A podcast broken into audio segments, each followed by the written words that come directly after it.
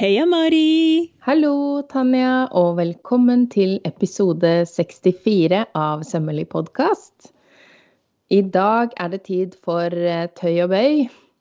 For det vi har jo oppdaga at uh, folk har jo veldig vondt i kroppen når de syr. ja, vi spurte Vi hadde en sånn liten uh, spørreundersøkelse, eller spurte dere lyttere på Instagram om det var noe og, og meld, for å si det sånn, da, om dere kunne eh, Om dere merka at dere hadde vondt når dere sydde. Og den svarboksen der ble jo heit, kan man si. Ja, det var faktisk eh, Jeg tenkte sånn Ja ja, det kan jo være spennende å se, bare, om et par stykker skriver vond nakke eller noe sånt. det var jo så mye.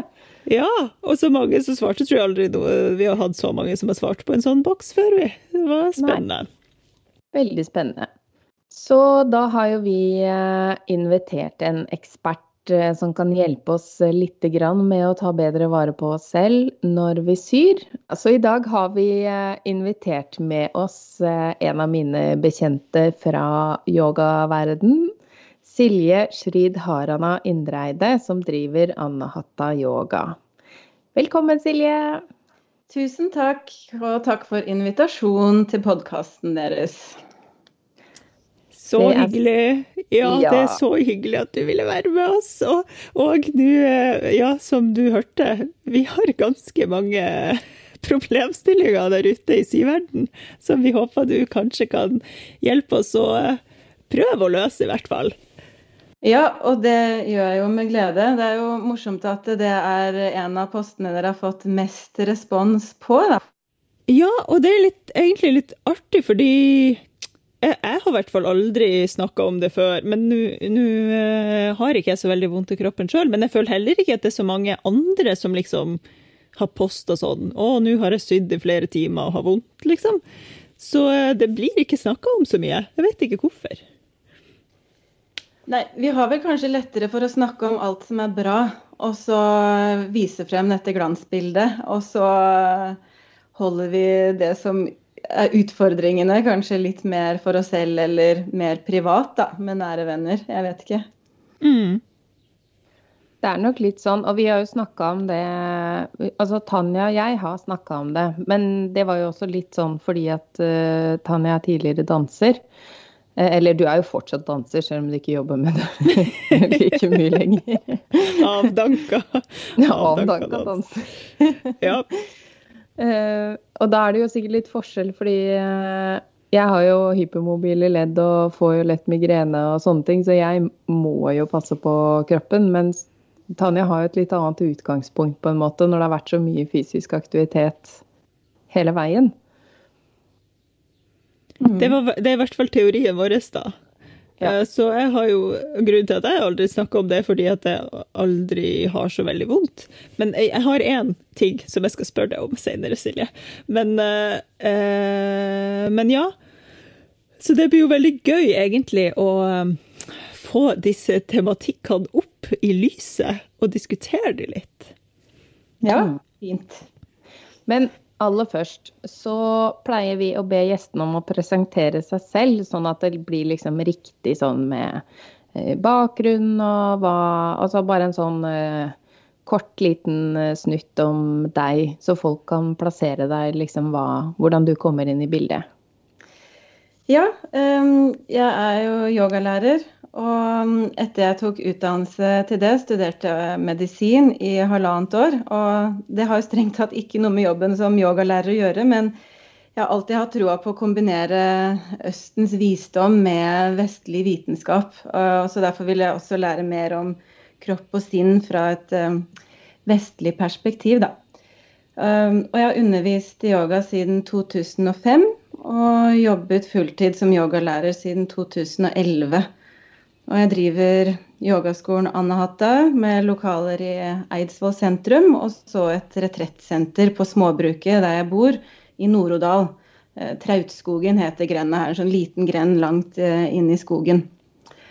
Um, og jeg brenner jo for å formidle at yoga er mye mer enn bare bøy og tøy, selv om det er en stor del av det, og også mye av det vi skal snakke om i dag. og det en veldig viktig del av det, så er det jo også sant, mye fokus på pust og meditasjon, avspenning. Og, og, dette er det jo mange som har fått med seg, men det er også en hel sånn livsstil eh, som innebærer alt fra etiske prinsipper til hva man anbefaler å spise, holdning til jobb og relasjoner, og bruken av mantraer og ritualer. Eh, så det er en sånn helhetlig pakke som eh, jeg da brenner for å formidle videre. Og ja, det var sånn kort intro.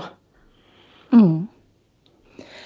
Det er jo veldig mye her som jeg gjerne skulle snakke mer om, men det vi eh, tenker i dag, er at vi begynner liksom med det fysiske, som er sånn bøy. og så kan man eh, gå litt inn på andre ting sånn utover i det. For det er veldig mye hvor man kan tenke at eh, hobby er jo en form for eh, liksom Meditasjon kan det jo være for mange, eller, eller liksom den der å finne ro, da det kan jo søm være for mange. Så eh, Sånn at eh, når man har, hvis man da ikke har vondt noe sted og liksom bare koser seg, så er det jo noe med at eh, det er jo et sånt En pause fra alt annet. Og det kan jo også yoga være. Jo, og jeg tenkte faktisk på det når jeg gjorde meg noen tanker rundt for å forberede meg litt til, til denne podkasten, at det er jo en form for ja, mindfulness i søm, i det å sy noe. Hvor du på en måte gjeter tankene dine mot det du jobber med. Eh, og da skyver du jo samtidig andre ting til side. Og det fokuset og den oppmerksomheten på den ene tingen du jobber med og syr, um, kan jo da ha en veldig beroligende virkning, fordi man ikke blir forstyrra av alt mulig annet. Um, det er en form for hvile i det, tenker jeg. Mm. Ja, det kjenner jeg veldig igjen i. Det er jo den beste arbeidsøkta man har, når man faktisk klarer å kun fokusere på det man har mellom hendene, og ikke tenke på alle de andre tingene man skal løse samtidig. Ja. Hvis man liksom klarer å mm. legge alle de andre tingene vekk, og bare fokusere på det du har foran deg, det er så deilig når jeg klarer det. Men eh, det skjer sjeldent. Kanskje, men det er kanskje sånn man kan øve på, Silje? Altså, meditasjon er vel en, en øvesak, er det ikke det? Jo, det er det. Og jeg liker veldig godt å bruke bildet mm, av noen som ønsker å få større muskler, og derfor drar de på treningssenter og så løfter de vekter. Og hvis man gjør det regelmessig, så vil eh, musklene bli større. Og litt på samme måte er det med meditasjon og oppmerksomhetstrening. At du rett og slett kan trene sinnet til å holde fokus. Så du øver på det, og, og da må du jo være først bevisst at dette er noe du ønsker å jobbe med. Men så når du da oppdager at sinnet tar seg en tur, tenker på helt andre ting, da er det til stede. Da kan du bare legge merke til hva slags digresjon var det som skjedde her.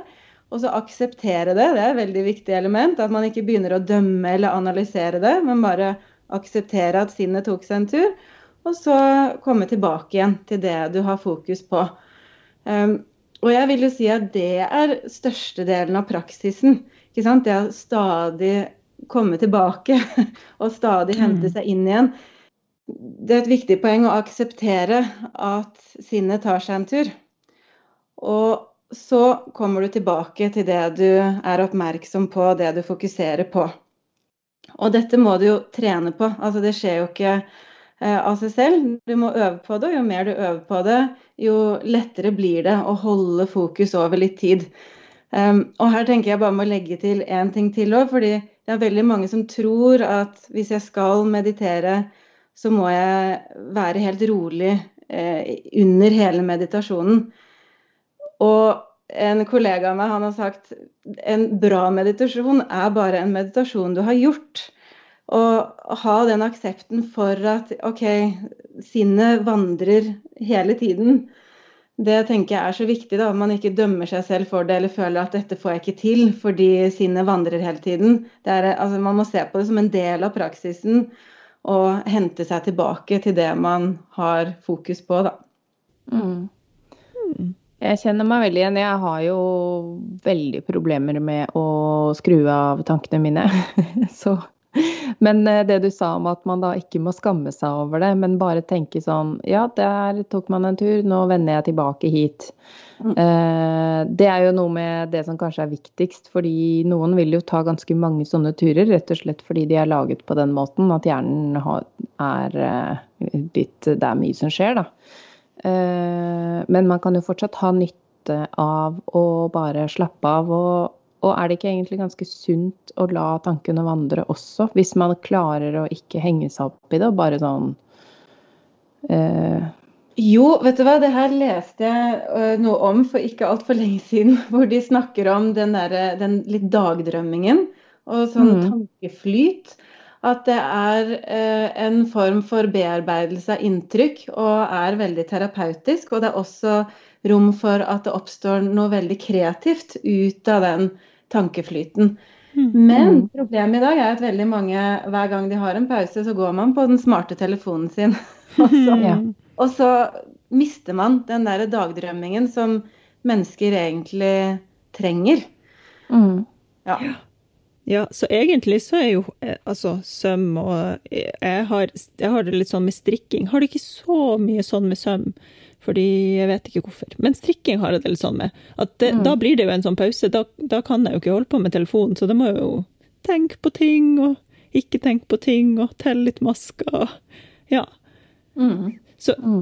vet dere hva, alle de som driver med søvn, de er inne på noe lurt, tenker jeg. Ja. Akkurat nå når, når, du sa det der, Silje, med at ja, i stedet for å strekke seg etter telefonen, at man har en annen ting man holder på med, som krever litt hjernekapasitet, men egentlig så går det litt sånn av seg sjøl når man først sitter og syr, liksom, og håndsyr og sånt. Så da kan man jo bruke tida til å lufte tankene. Ja. Mm. Ja, og det har jeg også tenkt. Jeg har alltid hatt veldig lyst til å, å sy. Og jeg ser på det som en sånn åh, det er sånn fin aktivitet.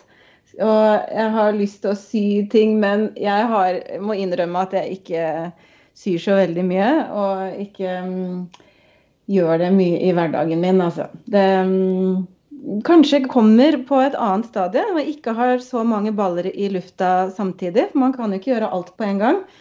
Um, så det håper jeg skal bli en større del av livet mitt etter hvert. Da.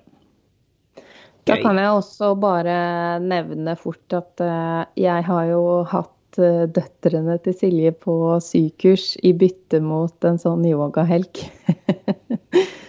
og det var jo så koselig. De hadde det jo i seg. Som ikke du eh, eh, blir så veldig glad i å sy, så det jo, kan det jo godt hende at de tar den eh, biten. Jo, og det er veldig komisk, fordi særlig hun eldste datteren min er kjempeinteressert i søm. Og vi, hun har fått symaskin. og hun har tegner kjoler og lager klær og sengetepper til bamser. Og, og, og, og jeg prøv, har jo prøvd å hjelpe henne så godt jeg kan. Men det er ikke um, alltid så greit når man ikke sitter med mye kunnskap på det. Så da var jo jeg veldig glad for uh, dette byttet eh, vi gjorde. fordi da fikk eh, hun eh, endelig liksom god sytrening, og det får hun også av noen besteforeldre. Jeg har flere ja. som syr, men ja, hun er faktisk blitt bedre enn meg allerede på den symaskinen. Det er veldig koselig. Ja. ja. Nå må jeg ta med da, at jeg, jeg, er veldig glad i å reparere ting. Det er der eh, Der, eh, der syr jeg. Ja. Så, mm, men det stopper der med å fikse hull og, og gjøre at plagg kan leve litt lengre. Mm. mm. Og akkurat det der er vel også en del av hele den, sånn som du sa, at yoga er jo mer enn et høyebøy. At det er en liksom, måte å leve på og forholde seg til tingene rundt seg på. Um, der er vel reparasjon en stor del av den tankegangen, er det ikke det? Jo, jeg tenker på det Hvis man ser på yogafilosofien, så, så nevner den mange forskjellige prinsipper, men den som nevnes først, og som også blir sett på som den viktig, viktigste, er den som heter ahimsa. Altså ikke-voldsprinsippet, står det for. Og um, da går jo det på ikke bare at du ikke skal slå til noen, men men også sant, i forhold til forbruk og miljø og ressurser. Og jeg ser jo på det å eh, få klærne til barna til å vare lengre og reparere ting eh, som en praksis av dette ikke-voldsprinsippet, fordi det ja, fører til mindre miljøbelastning. og jeg er også mm. veldig opptatt av det i forhold til hvilke Hvis jeg skal kjøpe noe nytt, da. Nå arver vi heldigvis veldig mye, men hvis jeg skal kjøpe noe nytt, ikke sant, er det har materialet reist langt? Er det naturlig materiale? Og Eh, det er jo litt fint å nevne her da, i denne podkasten. Det er faktisk et stort problem for meg i hvert fall, og flere kollegaer. Vi syns det er vanskelig å finne gode yogabukser kun i naturmateriale. Altså lagd av 100% naturmateriale. De fleste har noe plast i seg. Mm. så ja. Hvis noen vet om det, så må de ta kontakt og si fra. hvis noen driver med det. Det er vel kanskje der eh, man må sy noe En lekker yogadress, da, for mm. eksempel. Mm. Ja, for det Ja, det er mulig å få eh, stretchmaterialer uten elastani, altså i 100 mm. bomull. Um, som da er at materialet ikke er vevd, men strikka, som gir det elastisiteten, da. Mm. Så det er håp hvis man uh, syr sjøl. Det er jo sikkert mm. også ja. mange produsenter som satser på det, vil jeg tro, som, ikke uten at jeg vet da. Mm. Nei, for det her har jeg lett ganske mye etter. Det, og det er, eh, det er, veldig vanskelig. Det er ja. uh, nesten alltid 5 uh, et eller annet plastting. Mm. Ja. Er, jeg har nettopp eh, Jeg fortalte det før vi begynte å spille inn, at jeg har kjøpt meg uh, ny tights til å trene i, og så fikk jeg så dårlig samvittighet etterpå. Men, men, grunnen til at jeg kjøpte den, var jo fordi den var i det printet jeg ønska meg, og i bomull. Eh, ferdig sydd. Og så var det jo litt sånn når den, når den allerede finnes, da trenger man jo ikke å lage den. Men mens jeg lette, da, så dukka det opp veldig mye som jeg ikke ville ha, for å si det sånn, av stoffer og, eh, og ferdigproduserte ting. Det er jo i sånn treningstight så er det jo det er jo veldig mye plast. Jeg tror ikke folk tenker over det engang, for de er så vant til at det er syntetisk, det treningstøyet. Ja, mm. jeg tror også det er en sånn hva skal vi si, en mangel på bevissthet, eller kanskje bare at man er så travel i sitt liv at det, mm. det å tenke trinn bakover, hvor kommer dette fra, men også trinn fremover. ikke sant? Hva skal skje med dette plagget en gang jeg er ferdig å bruke det? At det kan gå inn mm. i et kretsløp. Um, du skal jo ha med deg den bevisstheten i den travle hverdagen når du trenger den tightsen. Og det uh, skjønner jeg jo at ikke alle har eh, tid eller kapasitet til. Mm. Det er vanskelig. Men ja. um, en ting som vi kan uh, gjøre noe med, er jo å ta vare på den uh, kroppen uh, som er inni klærne. For det var jo også Ja, jeg ble egentlig litt overraska over dette her med, med, kropp. Jeg har jo måttet da anskaffe meg en ny treningstights for å gi meg selv motivasjon til å komme i gang igjen. For alt jeg hadde av tights var sånn ti år gammelt. Men, eh, men jeg tenker at får man eh, litt sånn enkle tips, så trenger man ikke å kjøpe den nye tightsen for å komme i gang, håper jeg. Nei. Eh, skal jeg komme med noen konkrete tips, eller har dere noen spørsmål fra, som folk har skrevet inn og spurt om? Jeg tenker vi kan, vi kan ramse opp de tingene som flest har nevnt. Ja. Som de sliter med. Mm. Og da skal du høre, altså. Der er mye, veldig mye vond nakke ute og går. Selvfølgelig. Mm. Eh, og så er det mange som skriver 'stiv i kroppen', og det ser jeg jo også for meg at eh, ja, det er når man blir sittende lenge, at man blir stiv overalt. Eh, og så er det mange som sliter med vonde skuldre. Og så har jeg føyd på Det var noen andre som skrev det òg, men jeg syns dette her er veldig interessant. For jeg får altså jeg får døde kroppsdeler. Jeg får én død tommel hvis jeg håndsyr på en spesiell måte over lang tid. Eh, og det er vel igjen bare at det blir for repetativt og samme stilling, da. Men eh, det er liksom de tingene. Nakke, eh, skuldre og bare generell stivhet, og at ting liksom nummer bort. ja. Jo, um, men her har vi jo flere ting vi kan ta tak i. Hvis vi begynner med nakke og skuldre, da. Mm. Um, som jo er veldig vanlig, ikke bare for de, som syr. ikke sant? Det er jo en sånn eh, nesten sånn ny folkesjukdom å ha stivhet i nakke og skuldre fordi det er mye stress som fester seg der. Men jeg kan jo tenke meg at det kan forsterkes hvis man sitter mye og jobbe med ting i, i flere timer.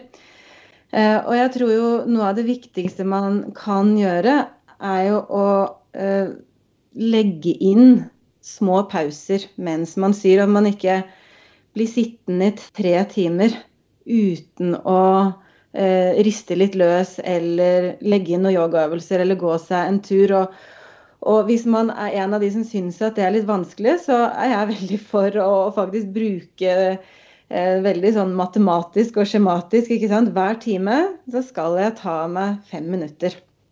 Eller mm. kanskje ti minutter. ikke sant? Og så har man en sånn positiv, eh, hyggelig påminnelse på sin smarte telefon. Kommer med en sånn hyggelig ringelyd, og så markerer man starten på pausen. Og så tar man tiden så mye man vil bruke, og markerer slutten på pausen. Og så er man veldig konsekvent på det. Um, og du får gjort innmari mye på bare fem minutter. Så f.eks. litt sånn rotasjon av skuldrene, riste litt løs i armene. Bøye hodet forsiktig fra side til side, vri litt rundt og ta noen dype pust. da. Alt det får du gjort på fem minutter, og du vil dra med deg virkningen videre inn i den jobben du gjør. Fordi du har løsna opp i den stivheten som har begynt å bygge seg opp, så kommer du litt sånn ned på scratch igjen når du fortsetter å sy, istedenfor at dette liksom bygger seg opp og bygger seg opp og bygger seg opp og blir veldig eh, stivt å være etter en hel dag eller x antall timer foran symaskina. Mm. Kan jeg bare si at det, det syns jeg er ganske mind-blowing. fordi at noen ganger så kan jeg være sånn Å, fem minutter om dagen er så vanskelig å, å gjøre. Men når vi er nede på sånn fem minutter i timen, og så, og så får du det til å høres så enkelt ut, så tenker jeg bare sånn Ja, dette blir mitt nye liv, tenker jeg nå. Jo, men vet du hva, det er ikke det samme eh, helt når jeg sitter Jeg har jo eh, en del timer foran datamaskinen. Når jeg driver yogaskole, så blir man jo litt sånn potet som gjør alle mulige slags roller og alle mulige slags jobber fordi man er selvstendig og, og jobber med det selv. Og, og, da kan jeg jo ha en full dag foran dataen. Og da gjør jeg dette veldig konsekvent. Og da er det ikke alltid jeg gjør en yoga øvelse i den pausen, men det kan være å gå ut i hønene og sjekke at de har mat, og så inn igjen. Eller det kan være å henge opp en vask eller eh, kutte opp noen grønnsaker og putte i ovnen, sånn at jeg får meg en varm lunsj. ikke sant? Sånn små ting som gjør at eh, jeg får en pause fra den statiske jobben jeg gjør. Eh, og, og, det hjelper veldig mye. Mm. mm. Ja, Det høres jo helt genialt ut, egentlig. Jeg kan sitte i tre timer før jeg tar de fem minuttene, og det er jo ikke helt bra.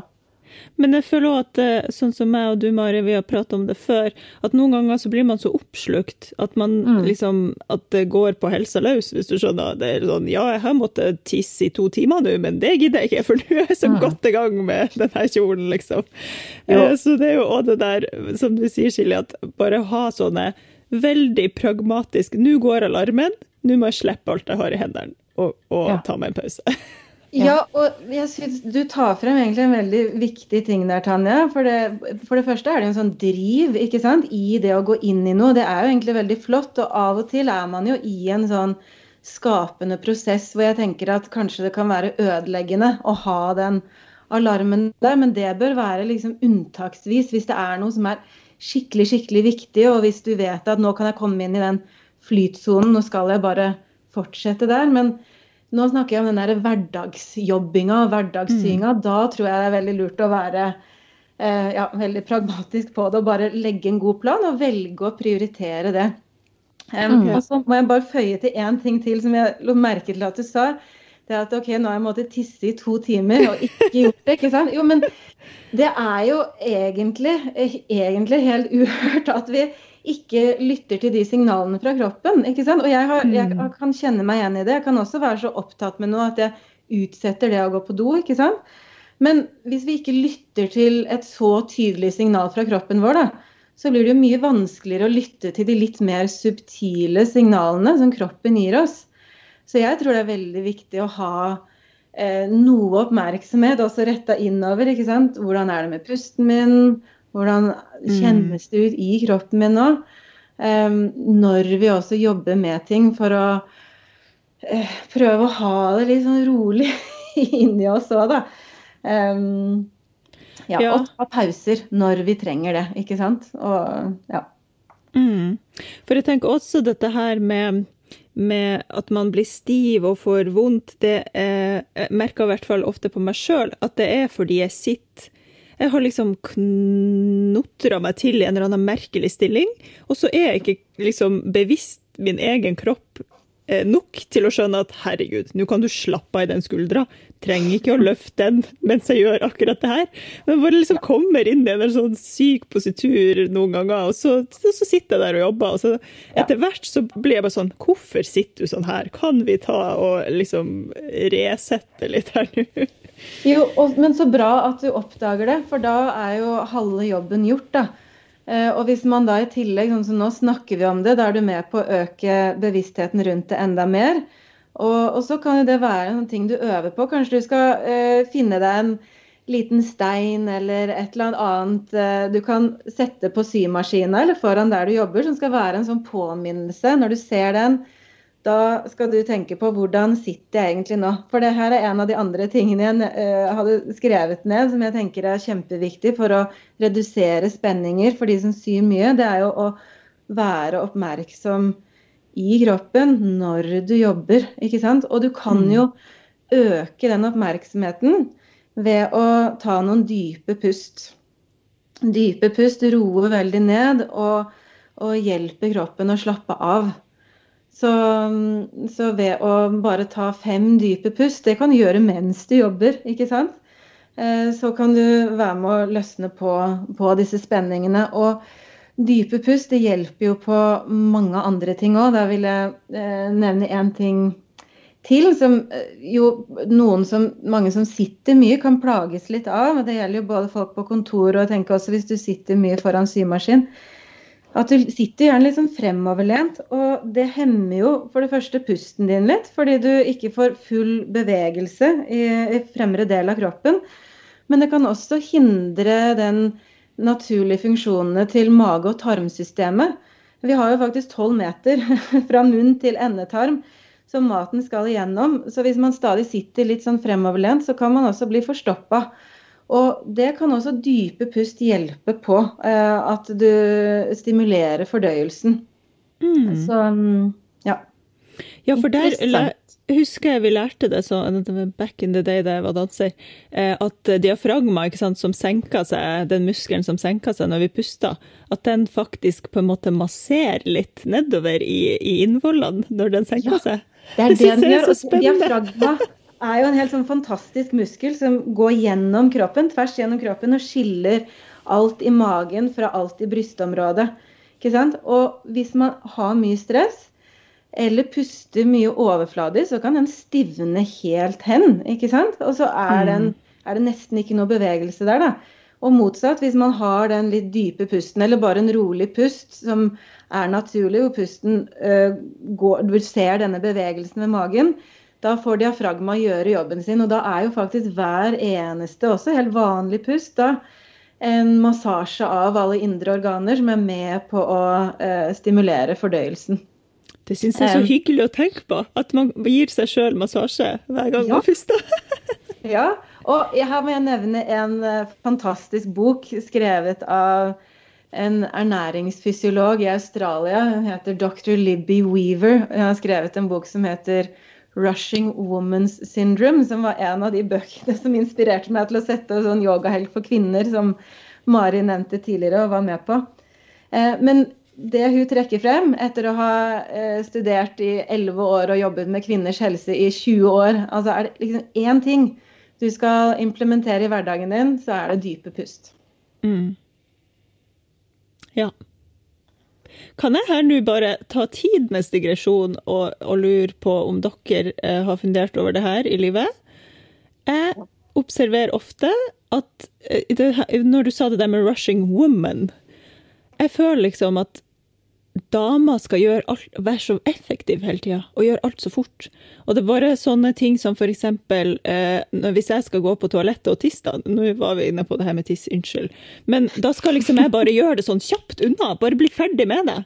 Mens liksom kjæresten min, han kan jo sitte på do i flere timer og bare liksom det, det, Der er det ikke noe sånn at det er bare en ting man skal få gjort. Nei, det er en hel greie, liksom. Er det en sånn dameting? Eller, eller, har dere noe tanker om det? jeg syns det er litt det? interessant at du sier det, fordi når jeg tenker meg om, så er det sånn eh, hvis, hvis jeg skal på do, hvis jeg er sammen med noen, da, så sier jeg alltid sånn, og det hører jeg de også sier, jeg skal bare løpe og tisse. Jeg skal bare tisse fort. Det er, ja, det er aldri... Hvorfor skal man det, liksom? det er aldri sånn 'jeg går på do'. Men det, jeg har aldri, aldri hørt en mann si 'jeg skal bare løpe og tisse'.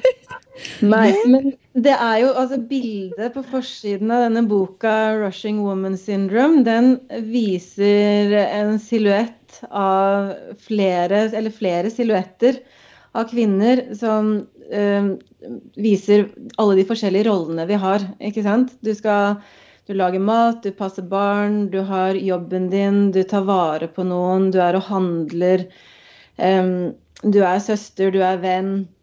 Ikke sant? Du er mor. Du, du uh, vi, har, vi har veldig mange roller. Og det å, å ja, jeg, jeg, tror det er, absolutt er noe i det. At vi føler at vi skal rekke over veldig mye. Og vi kan også ha den der helhetlige tilnærmingen til ting, som egentlig er veldig bra, men som i dagens samfunn kan føre til veldig mye stress. Mens jeg tror menn jevnt over er liksom flinkere på nå fokuserer jeg på det. Nå skal jeg på do. Nå skal jeg lage mat, og nå skal jeg hogge ved. Ikke sant? Mm. Jeg er bedre på den der å ta én ting av gangen, mens kvinner har mer det der overordna eh, helhetlig perspektivet. Og så skal vi jo, det er jo helt sånn unikt i dagens tid, hvis vi ser sånn historisk på det å være kvinne, at vi både skal prestere på jobben, og vi skal eh, være mødre og prestere på fritida, ikke sant? Eh, prestere på så mange plan at hvor blir det av det å ta vare på seg selv oppi alt dette? Altså til og med det å melde seg på et yogakurs kan jo bli stress hvis du egentlig ikke har tid til det. ikke sant? Mm. Mm.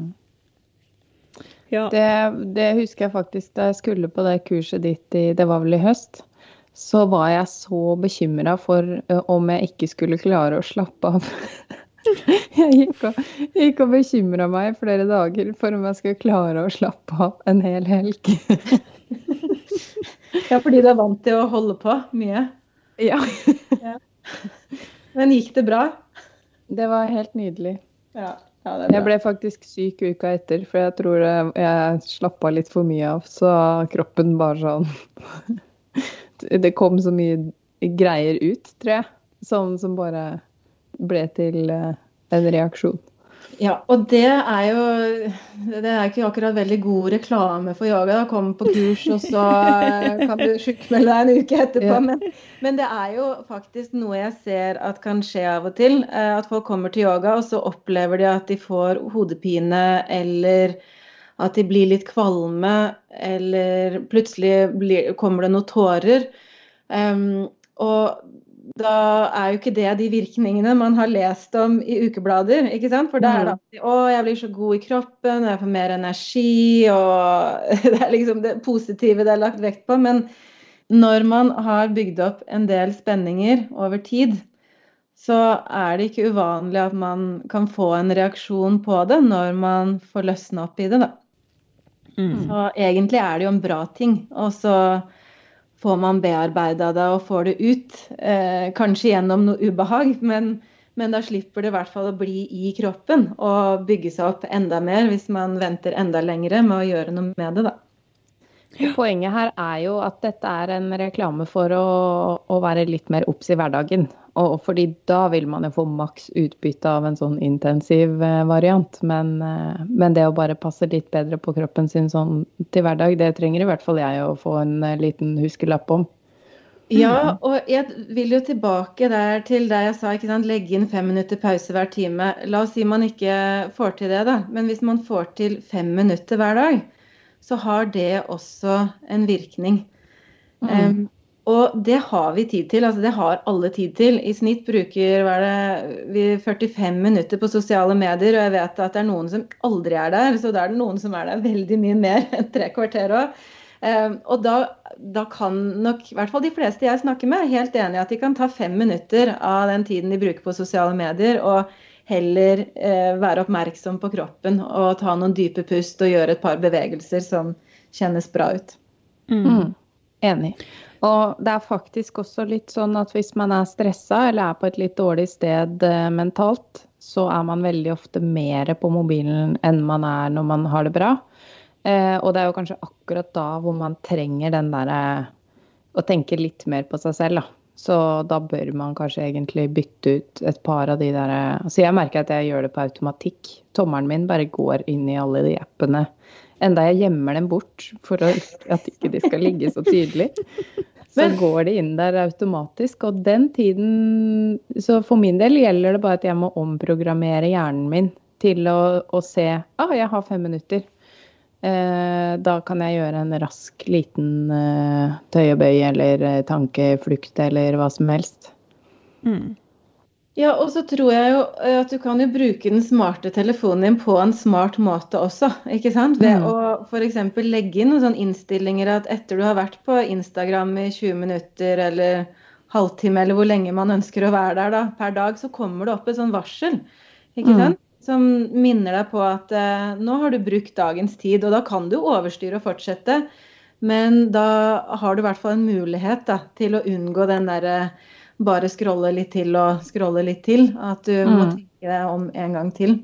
Så jeg tror mm, hvis man programmerer litt sånne ting inn, så kan det være en god hjelp. Mm. syns det er kjempelurt å bare hjelpe seg sjøl litt til bevissthet. Bare det der du sa med å ha en liten stein på symaskina, liksom. At det bare er et eller annet som minner deg på. For man, ja, det, alt går jo på autopilot om dagen, føler Eller man må liksom bevisst vel å ikke å, å skru av autopiloten, da. Og da kan mm. det være godt med litt sånn små flagg som minner deg på det innimellom. Ja, vi trenger det. Vi trenger noen sånn triggere. Og hvis man da bruker det noen uker, så blir det etter hvert en vane. ikke sant? Og så trenger du ikke å, å, tenke like mye over det lenger, for da skjer det av seg selv fordi du har trent på det, da. Mm. Du, Silje, kan jeg, nå kan jeg bare dra det litt tilbake. Du snakka om det her med eh, at man blir forstoppa fordi vi sitter mye foroverbøyd, og da handler det om vinkelen i hofta, ikke sant? Eh, at man liksom lukker det leddet litt for mye. Ja, og jeg tenker også at det kan være en sånn foroverkrumning i ryggen. Ja, både i ryggen også. fremoverlent i hofta og litt bøyd frem i ryggen. Ja. For da kom jeg til å tenke litt på Nå fikk jeg en sånn Oi, kanskje er det noe i dette? Eh, fordi det er jo mange som også liksom dovner bort og får vondt i, i ledd når de klipper men kan det også ha eh, noe med vinkelen? At man kanskje har en rar vinkel på skulder og på albu som man da spenn. At det er det som gjør det? Eh, og da tenker jeg litt sånn, kan man lett unngå det hvis man bare eh, senker bordet sitt litt, eller heiser seg sjøl litt opp så man får en annen vinkel i skulder og albu når man klipper, f.eks. Sånne type ting. Eh, hva tenker du om det?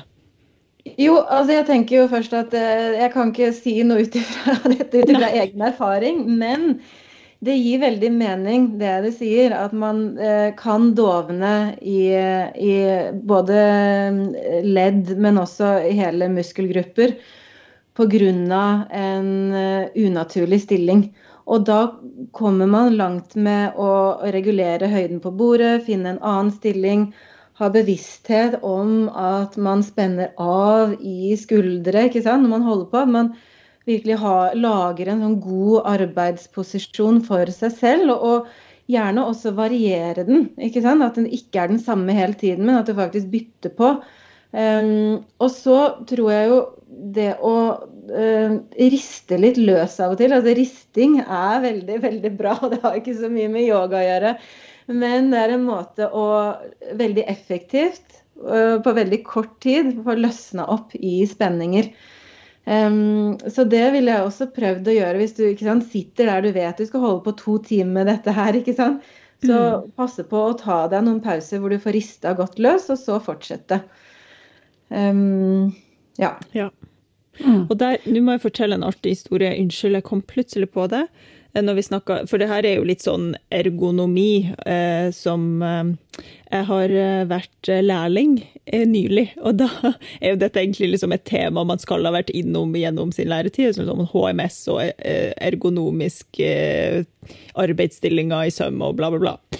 og da Dette husker jeg så godt, fordi da jeg fikk min første industrisymaskin, så fikk, kom det liksom han som leverte maskina, han hadde en liksom gjennomgang med meg på den. Og så er det jo veldig mye man kan stille der, for den skal jo på en måte være mest mulig eh, justerbar, sånn at eh, man finner den stillinga som er best for en sjøl. Og bare det med um, trykk, altså foten, pedalen, som man trykker på når man syr, den kunne også justeres frem og tilbake til høyre og venstre, og høyere og lavere, så man fikk eh, ulik vinkel på ankelleddet, og det var ikke måte på. Dette syntes jeg var så gøy, ikke sant. Og da sa han faktisk at det beste, Mari, hold deg fast, er egentlig å sitte med begge beina oppå den pedalen, og trykke ned på pedalen med begge beina. What? Ja.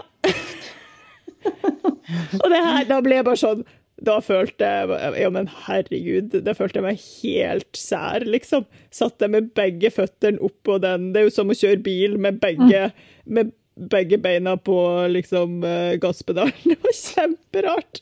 Så det har jeg aldri fortsatt med, da. Men det var liksom For da, da ble ikke kroppen så høyrestyrt, eller hva man skal si. Da. da ble det ikke bare på den ene sida at jobben alltid lå.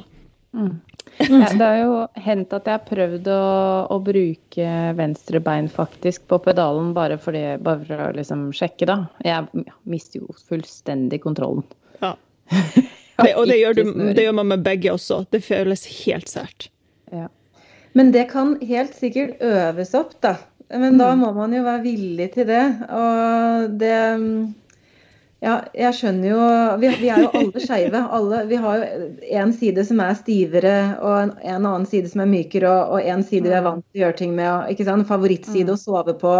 Mm. Men kroppen er veldig glad i balanse, og yoga er også veldig opptatt av den balansen. Så jeg tror jo det er veldig smart å, å prøve å bytte på. Um, men eh, jeg skjønner jo at um, at det ikke alltid er like fristende. man føler seg jo plutselig helt analfabet, på en måte. Ja. Altså sånn, eller sånn, ja, man kan ikke sy lenger fordi man skal gjøre det med venstre fot. Men det er kanskje en utfordring, da. Dagens utfordring til alle som hører på. Prøv å sy med venstre fot på pedalen. ja, kanskje gjør det på noe som ikke er så viktig. Altså, jeg vet ikke. Det er jo forskjellige ting man syr på, ikke sant. Kanskje du har et prosjekt hvor det egentlig ikke er supernøye. da, eh, At det blir eh, helt 100 eh, Kanskje det kan bli bra nok hvis det er 80 da. Så kan man bruke andre benet da. Mm. Gøy. Herregud, ja. dette ser jeg som for meg. morsom tanke. Det er jo sånn Når man lærer å tegne, så tegner man jo altså Før i tiden så skrev og tegna jeg nesten like godt med venstre hånd som høyre, fordi det, det er jo sånn man trener på når man går tegnelære, da. Men um, det er nok ikke der lenger. Og i hvert fall ikke i foten. Altså, jeg, jeg, tror ikke jeg kommer til å begynne å sy med venstre fot før jeg mister høyre fot, jeg. Bank i bordet. Men det blir jo litt det samme som å plutselig gå over fra å bruke høyre hånd på musa til å bruke venstre hånd på musa ja. når man sitter foran PC-en. Det blir jo helt ja. sært. ja, det er sant. Mm. Men en artig um, hjernetrim, kanskje. Både hjerne- og kroppstrim. Mm. Mm. Det er veldig eh, interessant. Og det som når du sier det med å riste løs, så handler vel det også om å få fart i blodsirkulasjonen. For det er jo ganske mange som også sier det at de får vondt i beina når de syr, og at de liksom stivner i beina eller beina sovner. Og hovner i beina. Ja, hovner i beina. Det er mange faktisk som har skrevet. Ja. Og det tror jeg kommer av samme, samme, grunn. Eh, det er den sittestillingen. Så kan jeg klemme av noen blodårer ikke sant? Og, og hemme blodsirkulasjonen. som gjør at det da dovner hen. Og, og da er det jo om å gjøre å få beveget på seg, og f.eks. ved risting. Um, det å gå seg en liten tur, eller ta noen spensthopp for så vidt. Eller hvis vi skal dra frem noe fra, um, fra yogatradisjonen, så er jo solhilsen og også månehilsen for så vidt. Den er veldig lik solhilsen, bare har et par ekstra stillinger. Det er jo en sånn veldig effektiv måte å få i gang eh, blodsirkulasjonen på. Og du trenger ikke å bruke så lang tid. ikke sant? Man, man kan gjøre to-tre runder, og så får man god fart på blodsirkulasjonen. Man får bøyd ryggen både fremover og bakover. Og du får pustet godt og dypt i stillingene. Så det er en sånn veldig effektiv måte å gjøre mye for kroppen, får veldig god uh, yogavirkning, mens du investerer veldig kort tid. Mm. Um, en ting som jeg har lært av deg, som jeg gjør faktisk, det er sånn Jeg vet ikke hva den egentlig kalles, men det føles litt som en vindmølle. At man, man står og så slenger man armene rundt seg fram og tilbake. Uh, det syns jeg er veldig bra når jeg er stiv i, i skuldrene og har sittet mye. Men, uh, og det var jo veldig problematisk Eh, i perioder pga. For jeg har jo hatt krystallsyke flere ganger. Men, eh, men, det er også bra sånn for å trene opp eh, Man har vel godt av å, å, lage litt kaos for balansen innimellom også. Eh, ja, tror jeg. det har man altså. Og det er litt uh, artig at du sier, for det finner du igjen i flere forskjellige tradisjoner. Bl.a. Uh, fra Tibet har du der er det jo veldig kjent for en åndelig praksis, har gjort det sant, i tusenvis av år, men kanskje mest uh, kjent for den meditasjonsbiten. Men det er også noe som heter de fem tibetanske ritene, som er fem forskjellige fysiske yogaøvelser som jeg vil kalle yogaøvelser. Eh, der en av dem er en sånn hvor du svinger fra side til side. Og det er jo akkurat uh, noe med at du trigger den balansenerven, og også får løsna veldig effektivt opp i spenninger. Så, mm. så den er kjempefin. Ja. Og den er jo virkelig ikke for alle. For jeg husker, jeg tror eh, mens jeg har gått hos deg, at det er flere ganger jeg ikke har kunnet være med på den i det hele tatt. Men derfor så har det gått litt sport i det for min del at jeg skulle klare den da, hjemme. jo, og hvis man lett blir svimmel, så er den jo ikke noe ålreit. Men da kan man gjøre den samme bevegelsen, bare man gjør det veldig sakte. Ja så får man noe av den samme virkningen, da. Mm. Eh, men også, tilbake til dette med litt sånn hovne bein, for der er det også en annen øvelse jeg tenker kan være kjempefin, som heter venepumpa. Eh, og som navnet tilsier, så er den liksom med på å pumpe blodet Eh, opp fra venene og tilbake til hjertet. Og er jo da kjempefin. Egentlig bedre enn å reparere hvis man får hovne ben, men å bruke den forebyggende. ikke sant? Hvis du vet at dette er et problem for meg. Um, og da, da, kan man jo sitte på en matte eller på gulvet, bena strukket ut foran seg. Så bøyer man ene benet og fletter fingrene rundt låret og drar låret inn mot kroppen. Så vipper man ankeleddet opp sånn at tærne peker opp. Og så strekker man benet ut, men beholder det strukket ut sånn rett over gulvet. Og så gjør man sånn sju eller ti repetisjoner med ene benet, og så bytter man og gjør det samme med andre benet. Um, den er kjempefin i forhold til å eh, forebygge eller hjelpe på uh, hovne ben. Da. Hmm. Dette er sånne navn som man sikkert kan google hvis man vil se fysiske eksempler på, på bevegelsene. Det kan man eh, helt sikkert. Venepumpa. Den har sikkert et sanskrit navn nå, men det husker jeg ikke nå på, eh, når vi har det her. Men eh, jeg har den jo med i det lille programmet jeg har lagd spesielt for deres lyttere. Som er et sånn timinuttersprogram for folk som syr mye, og da er altså venepumpa med. Ja, Hørte dere det, folkens? Det, det er, veldig gøy. Det er ganske fantastisk. Eh, men dette programmet, Silje, hvor er det disse fantastiske lytterne kan finne det? Da må de inn på din podkast, har jeg skjønt det riktig? Ja, det. Blir, eh, det er en sånn bonusepisode i min podkast. Den heter ja. Anna Hatta kortreist yoga. Um, så den skal ligge ute på Spotify eller uh, Apple podkast, eller der man lytter til podkast. Og, og, da kan man søke opp enten navnet mitt eller den, og så ja, skal man finne den der. Perfekt. Så hvis noen trenger en, en rutine, en ny eh, yogarutine inn i syvhverdagen, så er det bare å søke opp der, så finner man eh, øvelser. Ja, og der er også denne som Mari nevnte, man står og svinger fra side til side. Den er også med der.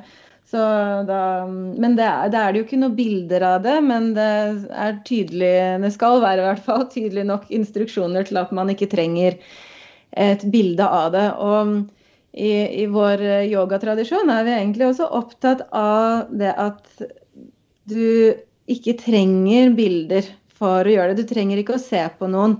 Du får en helt annen opplevelse av å gjøre øvelsen når du kun lytter til instruksjonene. Fordi da har du større anledning til å vende oppmerksomheten innover og kjenne din egen kropp og kjenne din egen pust.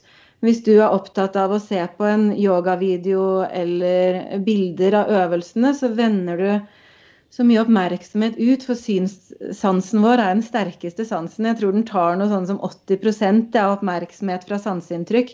Mm. Så med en gang vi lukker øynene, så, så, er det mye lettere for oss å gi kroppen og pusten oppmerksomhet.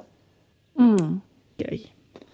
Veldig eh, gode tips. Og det vil jeg jo også si at um det er mange andre gode episoder der òg. Vi har jo ikke vært inne på dette temaet i det hele tatt i denne episoden, men eh, det å følge syklusen sin eh, i livet når man planlegger og på en måte tilrettelegge for eh, hva som er smart å gjøre i hvilken fase av syklusen, da, syns jo jeg var veldig interessant.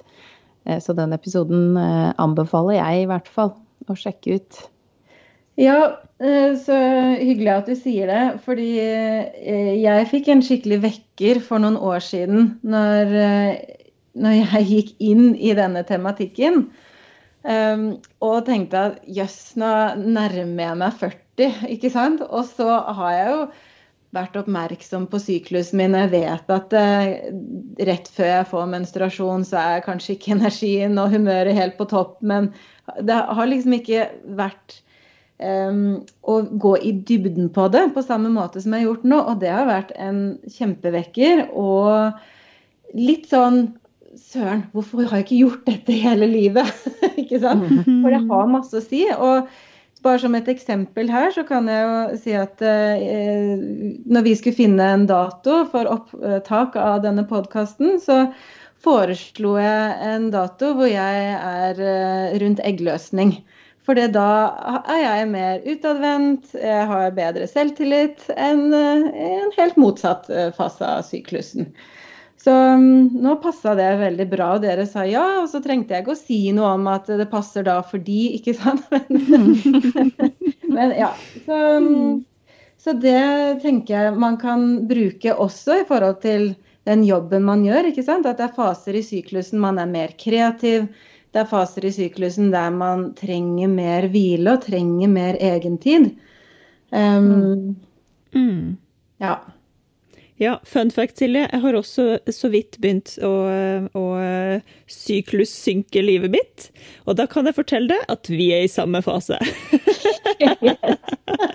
så bra. Og det er jo den, den vanligste fasen å være i. fordi i går var det fullmåne. Ja. Eh, og det er jo sånn at eh, månens faser eh, og en kvinnes menstruasjonssyklus, det er jo ikke tilfeldig at de er ca. like lange. Ikke sant? Altså, det er en sånn forbindelse der, da. Mm. Og det er visst um, flest kvinner som menstruerer når det er svartmåne, og som er rundt eggløsning når det er fullmåne. Og så er det masse variasjoner her. Det er ikke noe sånt som er feil og riktig. Så bare føler at å, mens det er riktig dag en gang nå, ikke sant. så må man ikke Uansett hvordan syklus man har, så er det greit. Ja, men det er jo litt Det, det visste jeg ikke, det med nymåne og, og fullmåne og sånn. Det er jo litt interessant. Og ja. Da vil jeg også nevne at eh, det har jo vært litt sånn problematisk for meg som har hatt uh, i perioder hvor jeg har hatt lærlinger eller bytta lærlinger og sånn. Fordi man påvirker jo hverandres Eller noen, da, påvirker veldig, påvirkes av andres sykluser. Uh, og jeg er jo en som er veldig påkobla andres følelser. Så hver gang jeg har bytta lærling, så har syklusen min blitt kasta helt ut av rytmen. Og så har jeg brukt lang tid på å synkronisere igjen. Fordi det er jo vanlig at venninner f.eks. har eh, sykluser som følger hverandre. Eh, så, eller det jeg har hørt, i hvert fall. Jo, det, men det stemmer. Og jeg har samme erfaring fra yoga-retreats. Så jeg har jo begynt å ha med meg alltid ekstra med bind når jeg arrangerer ukeskurs og tidagerskurs. Fordi det er alltid noen som får mensen på helt feil tidspunkt. ja. Kom to uker før, og det pleier aldri å skje. Men fordi man er flere kvinner som bor tett sammen, så, så det der er helt vanlig. Og det, det kommer fra gammelt av, når vi levde mer um, ikke sant, i en sånn klan eller en gruppe eller en landsby. Og så var det hensiktsmessig at kvinnene menstruerte samtidig. Ja. Uh, og, og da Eh, så i noen tradisjoner var det jo vanlig å ha ikke sant, rundt fullmåne en sånn fest og feiring, ikke sant. Og det var da kvinnene var mest utadvendte. Hvor det også var veldig fint eh, med tanke på reproduksjon og sånn, ikke sant. Det er da de mm. var sitt fertile eh, ja, på sitt fertile. Mens, mens rundt nymåne så kanskje kvinnene trakk seg tilbake, særlig i eh, noen indianertradisjoner, så var det vanlig at da de, dro de til teltet sitt og satt og skravla og mediterte og, og fikk helt fri fra liksom barnepass og matlaging og disse andre tingene. Og hadde en sånn liten retreat eh, hver måned. Um, sånn fire-fem dager eller noe sånt. Mm. Høres helt nydelig ut, spør du ja, meg. Ja, kunne ikke hatt det sånn? Ja. Oh. Men altså, dette her med syklussynking, det har jeg begynt Nå har jeg liksom prøvd å planlegge liksom arbeidshverdagen min mer eller mindre etter det, og ellers også på privaten. Men jeg tenker også egentlig sånn som du sa, Silje, at eh, man har jo perioder der man er mer kreativ, eller perioder der man kanskje kan trekke seg litt mer tilbake, og, og planlegge syprosjektene sine etter det, må jo være helt fantastisk. Hvorfor skal man liksom planlegge en sånn superkreativ fase inn eh, i en periode der du aller helst bare skal sitte i en krok og håndsy, liksom? Det er, der åpner det seg mange muligheter, føler jeg. Ja, det, ja, det, tror jeg er kjempelurt. Ha det med i alle aspekter av livet ditt. Eh, eller der du har mulighet, og i den grad du kan. ikke sant? Fordi mm. Vi lever jo ikke akkurat i en sånn verden som støtter opp om det å leve fullt ut etter sin egen syklus. Men jeg tenker man kan ta små skritt i den retningen. Og da vil jeg også bare nevne, hvis det er noen dette er helt nytt for, så har jeg fått um, designa en veldig fin sånn sykluslogg som ligger tilgjengelig på nettsida. Og da på den eh, samme nettsiden, det er jo også der man kan finne eh, online eh, yogakurs med deg. Både noen sånne gratis eh, timer som ligger der, har jeg sett. Men også sånn hvor man kan booke seg inn, ikke sant? Ja, det stemmer. Så jeg har både en del lydfiler i tillegg til podkasten. Og så har vi noen yogavideoer, og jeg har jo jeg har også mm. flere yogatimer over Zoom. Um, hvor man kan delta fra sitt hjem, uh, men uh, i sanntid, da. Så um, det er man hjertelig velkommen til å være med på. Mm. Men du, vi rurer jo også på sånn på tampen om du har noe eh, feil eller innspo å dele. Nå har du egentlig delt ganske mye innspo hele veien, som vi selvfølgelig har notert og, og skal samle i eh, den eh, episodenotatene våre. Men jeg vet jo at du har en feil å dele, for det har du nevnt for meg tidligere. Det var jo litt på temaet vi var inne på i stad, tror jeg. Ja, eh, det stemmer. For det mm, var jo når jeg hadde starta podkast og hadde en innspilling med tema yoga mot stress. Og så ironisk nok var jo det den episoden jeg stresset aller mest med. Og jeg tok opptak etter opptak etter opptak, og så kom jeg jo endelig på at OK, ja, men eh, nå skal jeg snart få mensen. Så da er kanskje ikke dette det beste tidspunktet å ta opptak på. ikke sant? Det er jo gjerne da man har den indre kritikeren eh, veldig um, sterkt til stede. det er i hvert fall jeg. Um, og jeg kom på også skulle, eh, en feil når jeg skulle hjelpe eldste datteren min med å sy en kjole til bamsen. Det var jo da jeg fortsatt kunne sy mer enn det hun kan. så ble den altså så trang, så vi prøvde liksom å klemme hodet til denne bamsen gjennom, gjennom dette hullet. da, Og det bare Ja. Det, det var et veldig mislykka prosjekt. Um, ja. ja. Det jo, understreker jo det poenget vårt om at det er jo klærne som skal tilpasses kroppen, ikke motsatt. ja, det er bra. Det er veldig viktig poeng.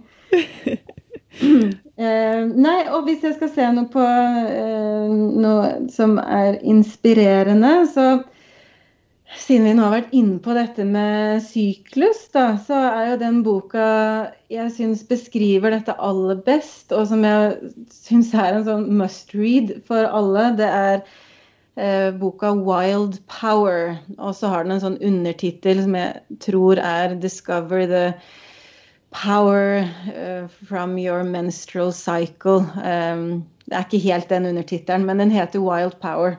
Og, og, der går de mye mer i dybden av dette med syklusbevissthet. Og jeg syns den beskriver det veldig, veldig bra. Mm. Kult. Den noterer jeg meg. Den skal jeg lese.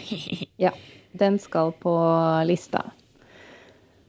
Så bra. Det er jo Altså, vi kunne ha snakka lenge om dette, for jeg syns det er så Og sånn var det jo litt når vi bare skulle brife deg om eh, denne episoden eh, også, at eh, det er jo så gøy å snakke med deg.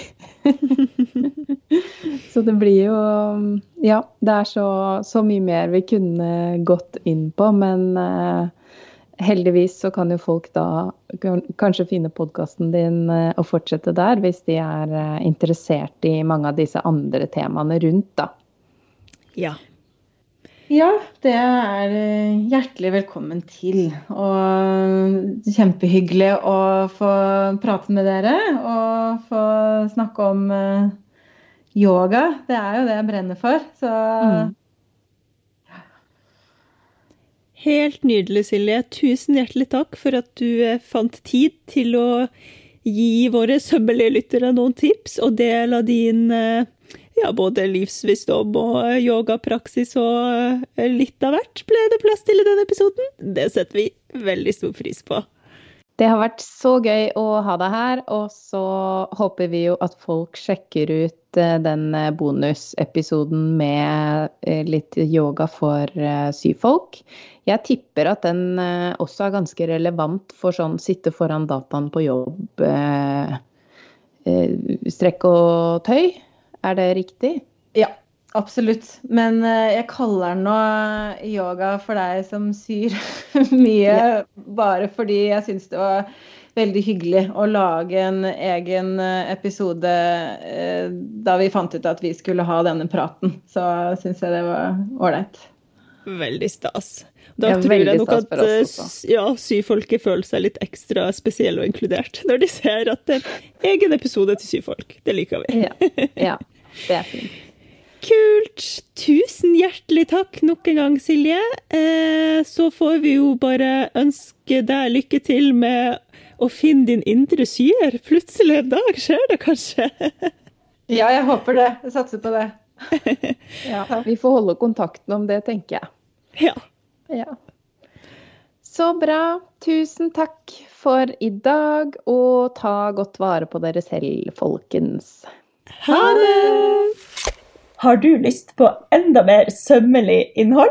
Da kan du bli en støttekontakt eller en skytsengel for podden. Da går du inn på www.patrion.com slash. Der får du masse mer tips og triks, og kan også støtte podden, så vi kan fortsette å produsere det. Har du noe ris eller ros, eller har lyst til å følge oss på sosiale medier, så finner du oss på Instagram. Der heter vi sommerli-podkast med k. Og du kan gjerne sende oss en mail på sommerli.podkastmedk.gmail.com. Og så vil vi si tusen takk til Andreas Prestmo i Wildhagen Studios, som eh, klipper og får oss til å høres fine ut. Og tusen takk til Synnøve Overid, som lager den fine musikken vår.